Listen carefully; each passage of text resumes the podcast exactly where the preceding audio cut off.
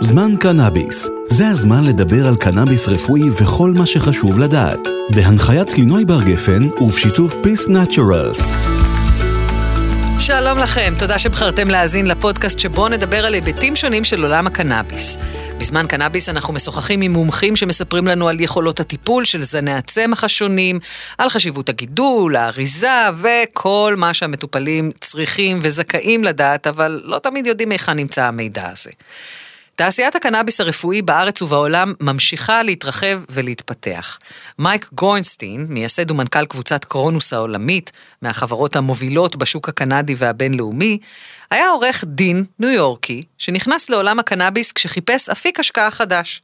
במסגרת שיחה שקיימתי איתו באנגלית, בכנס זמן קנאביס, כנס הקנאביס הדיגיטלי של מאקו קנאביס בשיתוף Peace Naturals, הוא מספר על האתגרים והקשיים לאורך הדרך, וגם על התוכניות לעתיד. Hello and welcome, Mike Gorenstein, Cronos Group's chairman, president, and chief executive officer. Did right. I say it all right? I think you had it all right. Okay, great. So, um, in contrast to other cannabis companies which um, outsource and buy their uh, products, uh, Cronos develop your uh, species, varieties, products, uh, all all the process. How come? Why? Well, the reason you know the reason I started Cronos is uh, it's about products right? And if you think about cannabis versus other industries, it's been illegal for so long. We haven't had decades to to research and develop all these all these amazing innovative products. So to me, what's important and what we can do with the opportunity of it now being legal is make products that help different people in different ways. And that's not something that we can we can outsource. We can work with different experts, but we always want to control and make sure we make the best possible products. Why cannabis? Well, the, the possibilities with cannabis are, are enormous. You know, you've got an endocannabinoid system in your body that hasn't really been researched because of the, the regulations historically. You have so many different cannabinoids, the possibilities of what we can do. Uh, I look at it as social entrepreneurship because you can do things that help people and it's still a great business. How, how did you start? How did I start? Yeah. Originally, I was a, uh, I was a corporate lawyer in New York. And uh, Quite different. yeah, quite different. So I I worked with uh, with pharma companies and with alcohol companies. I moved over to uh, to an investment fund, and when I was looking to invest, I thought cannabis would be interesting. This is you know seven eight years ago now. But was there a moment that you thought to yourself, well, this is what I want to do. This is where I think the future will be in, in, in cannabis. I was looking to invest because I thought it was going to be an amazing opportunity. I believed in it, and so I went and I was looking. You know, where is the great company that will be the future? I didn't really plan. This is what I'm going to do. I'm going to start a company. I'm going to build a company. I, I just started going down a rabbit hole, and then you know I woke up. Uh, I woke up in Tel Aviv a few days ago, and I guess that that was the last seven years. But So. there were so many obstacles on the way. Yeah. Which were the toughest? I, I can't pick any single obstacle. I think that there's so many. It's the, the toughest obstacle is maybe the, the number of obstacles and all the change. And uh, to me, the most difficult thing to do is stay focused on, on what, what it is that we care about and what we want to do. Uh, most industries, there's not a lot of opportunity, and so you don't have that problem. But in cannabis, you have retail, you have cultivation, you have products, you have distribution. And so what happens and what goes wrong is people see all these different options and they run every direction and they end up not really being great at one thing. And so I think it sounds crazy, but that's probably been the biggest obstacle is how to Not regulations. Focused. Well, regulations is it's an obstacle and it's an opportunity.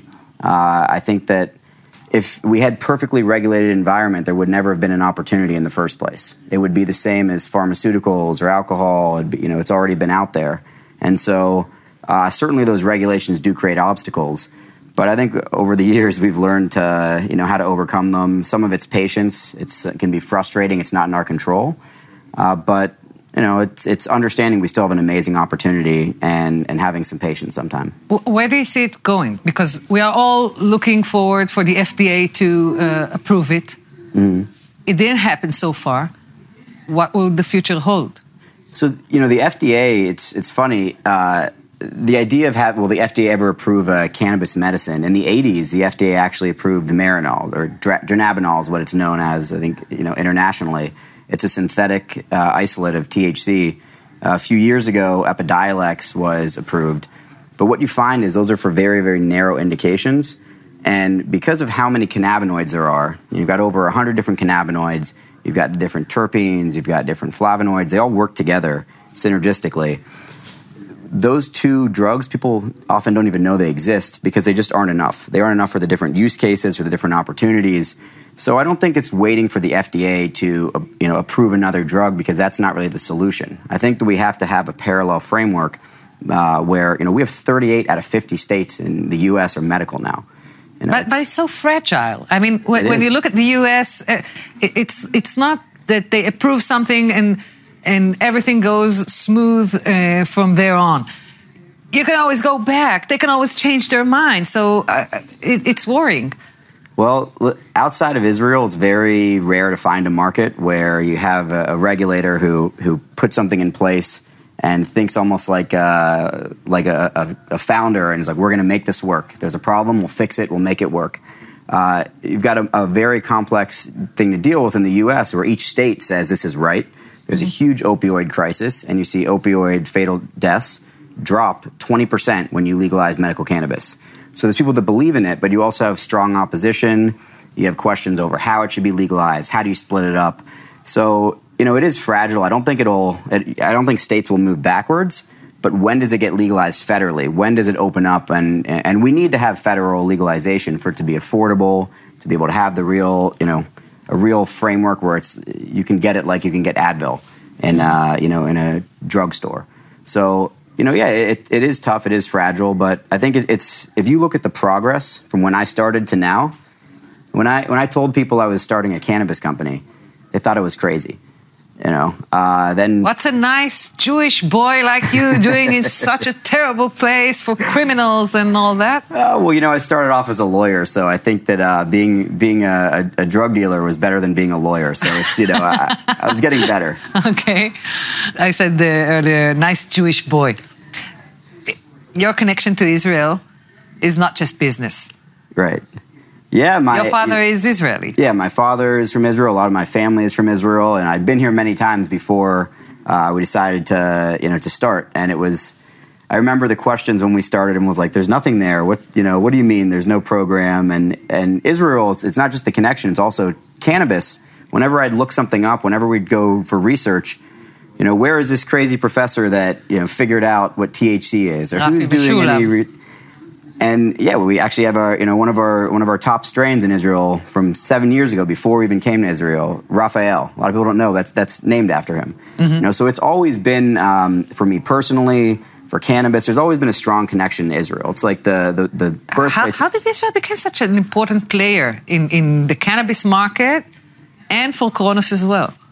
Well, I think look, Israel. It, when it comes to tough problems to solve, when it comes to you know to technology and innovation, Israel is always a very important player. But usually, what happens is Israel has to take that technology and send it to North America to Europe because that's where the big market is. Mm-hmm. What's so interesting right now is the markets haven't developed elsewhere like they have in you know in tech. So you've got uh, a cannabis-friendly you know government and, and country hopefully more Cannabis friendly. friendly government. Wow. uh, Not well, in Israel feel the same. Yeah. Yeah, it, it's all relative. You know, I think uh, the grass can always be greener, but you know, we've got operations around the world, and I think it's it's actually pretty friendly. Mm-hmm. Of course, we we want more. We want things to move, but the speed which things have developed is, is pretty quick. But I think overall. The fact that the market has developed and outpaced all expectations, it's the opposite of every other market. Usually, you expect a huge market and then a year later, everyone goes, "What happened? I thought it was going to be this big." Mm-hmm. In Israel, you know, uh, a lot of why we started here was, was we thought we'd be able to export. We wanted to be able to do innovation. We had personal connection here, and so you know, we were investing. We believed in it. We thought eventually it would be it would be a, a bigger market. We didn't know how fast it would happen, and you know, because it's a, it's a core market for us, so it, it's very important. Um, you know, it's our, our, second largest market, but we still have over 100 people in Israel, which is larger than most Canadian companies. You know, so it's uh, it's very important for us, and I think it will become increasingly more important for for the whole industry if we're able to keep opening up uh, the market here, if we're able to have more products introduced, and don't fall behind the other markets in innovation. So we've talked about the U.S. and Israel. What about Europe? What about Canada? Yeah, I think Europe. Uh, we're starting to see movement in Germany. So they've announced that they're going to uh, legalize, and I think they're hoping in the next year. It's uh, again, it, it, doesn't always happen. I think there's a lot going on in the world, uh, but we're seeing markets move slowly in Europe. Uh, COVID slowed things down, but now with a recession looming. Oh yeah, I think COVID for for regulations. Yeah. When a government's meeting and they're saying like, okay, like let's talk about legalizing cannabis, and then there's everything shuts down and you got to deal with mask mandates and protests and vaccines.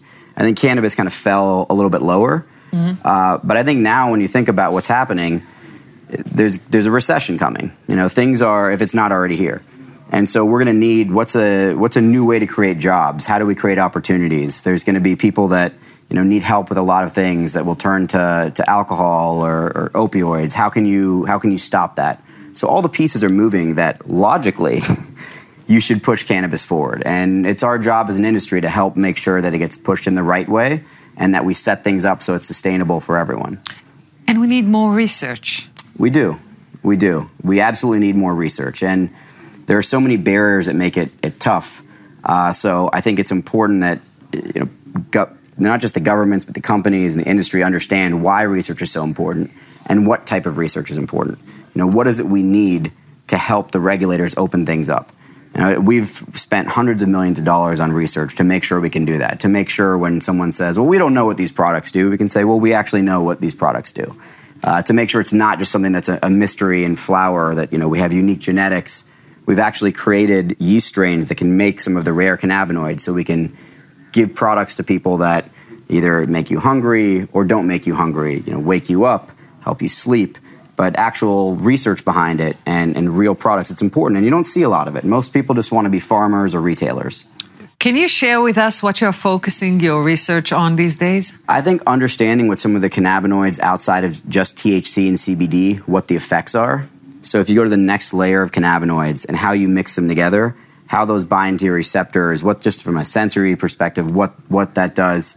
To me, it's all about effects. You know, so you start with what is it that, that someone wants uh, is it is they want to sleep, or let's say that they want something that's they don't want to drink so much. They want something where they can you know they can relax. They had a hard day, but they don't want a hangover. They don't want the calories. How do we produce something that gives them a healthier life, but they can still you know have have the the escape that they want? Uh, if someone has a migraine, how do we make them feel a little bit better uh, without having to take the same medicine then that is now getting harder to afford? So uh, to me, what the cannabinoids can do and how we deliver it is what fascinates me. But so try to forecast me uh, the, the future. Five years from now, what will happen in the US, in Israel? I think, I think five years from now in both markets, uh, to the extent also, and, and, I will say in some of US it already is this way, but I think it will be a, a normal product that, that's out there, the same as uh, a lot of household products are used to. Uh, it's funny if you go to California or you go to, to New York, it, you can see just from two to three years of legalization how different things are. Mm-hmm. In California, people don't really think of cannabis differently than, than alcohol in Los Angeles. And if you go to New York, it's still like it's starting and it, it's different. But I think in five years, you'll see normalization, certainly in, in Israel and in the US. Okay, so there's something to look forward to. There is. And look, the toothpaste is out of the tube. You can't put it back back in. You know. Great. Mike Gorenstein, thank you very much, and uh, welcome to Israel. Thank you. ועכשיו נעבור לפינתנו מידע מועיל למטופל המתחיל, שתגיש לנו רוני כץ עמיחי, סמנכ"לית שיווק ומכירות של קרונוס ישראל. מידע מועיל למטופל המתחיל, והפעם, איך לשלב את הטיפול בקנאביס מבלי לפגוע בשגרת החיים. שאלה שעולה לא מעט בקרב מטופלי קנאביס רפואי היא, האם אפשר לקבל טיפול בקנאביס רפואי ולהצליח לנהל שגרת חיים תקינה? התשובה היא כן, בהחלט. טיפול בקנאביס רפואי נועד להקל על סימפטומים הנלווים למצבים רפואיים שונים. סימפטומים כמו כאבים, בחילות, רעידות, נוקשות שרירים, חוסר תיאבון, הפרעות שינה ועוד. בשלבים הראשונים של הטיפול אין מנוס מניסוי וטעייה, ולפעמים צריך להחליף זן או לשנות את דרך נטילת הטיפול. אבל בסופו של דבר, ההקלה תגיע. ולסיום, עוד טיפ חשוב, לכו להתייעץ.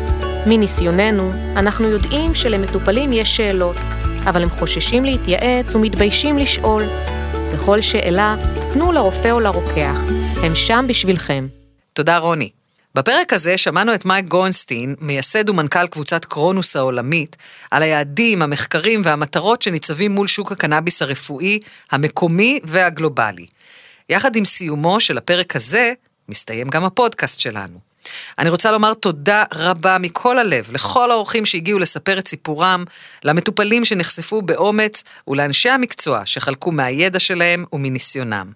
אנחנו מקווים שהצלחנו לעניין, לספק לכם מידע מועיל ולחשוף בפניכם צדדים נוספים ומגוונים על קנאביס.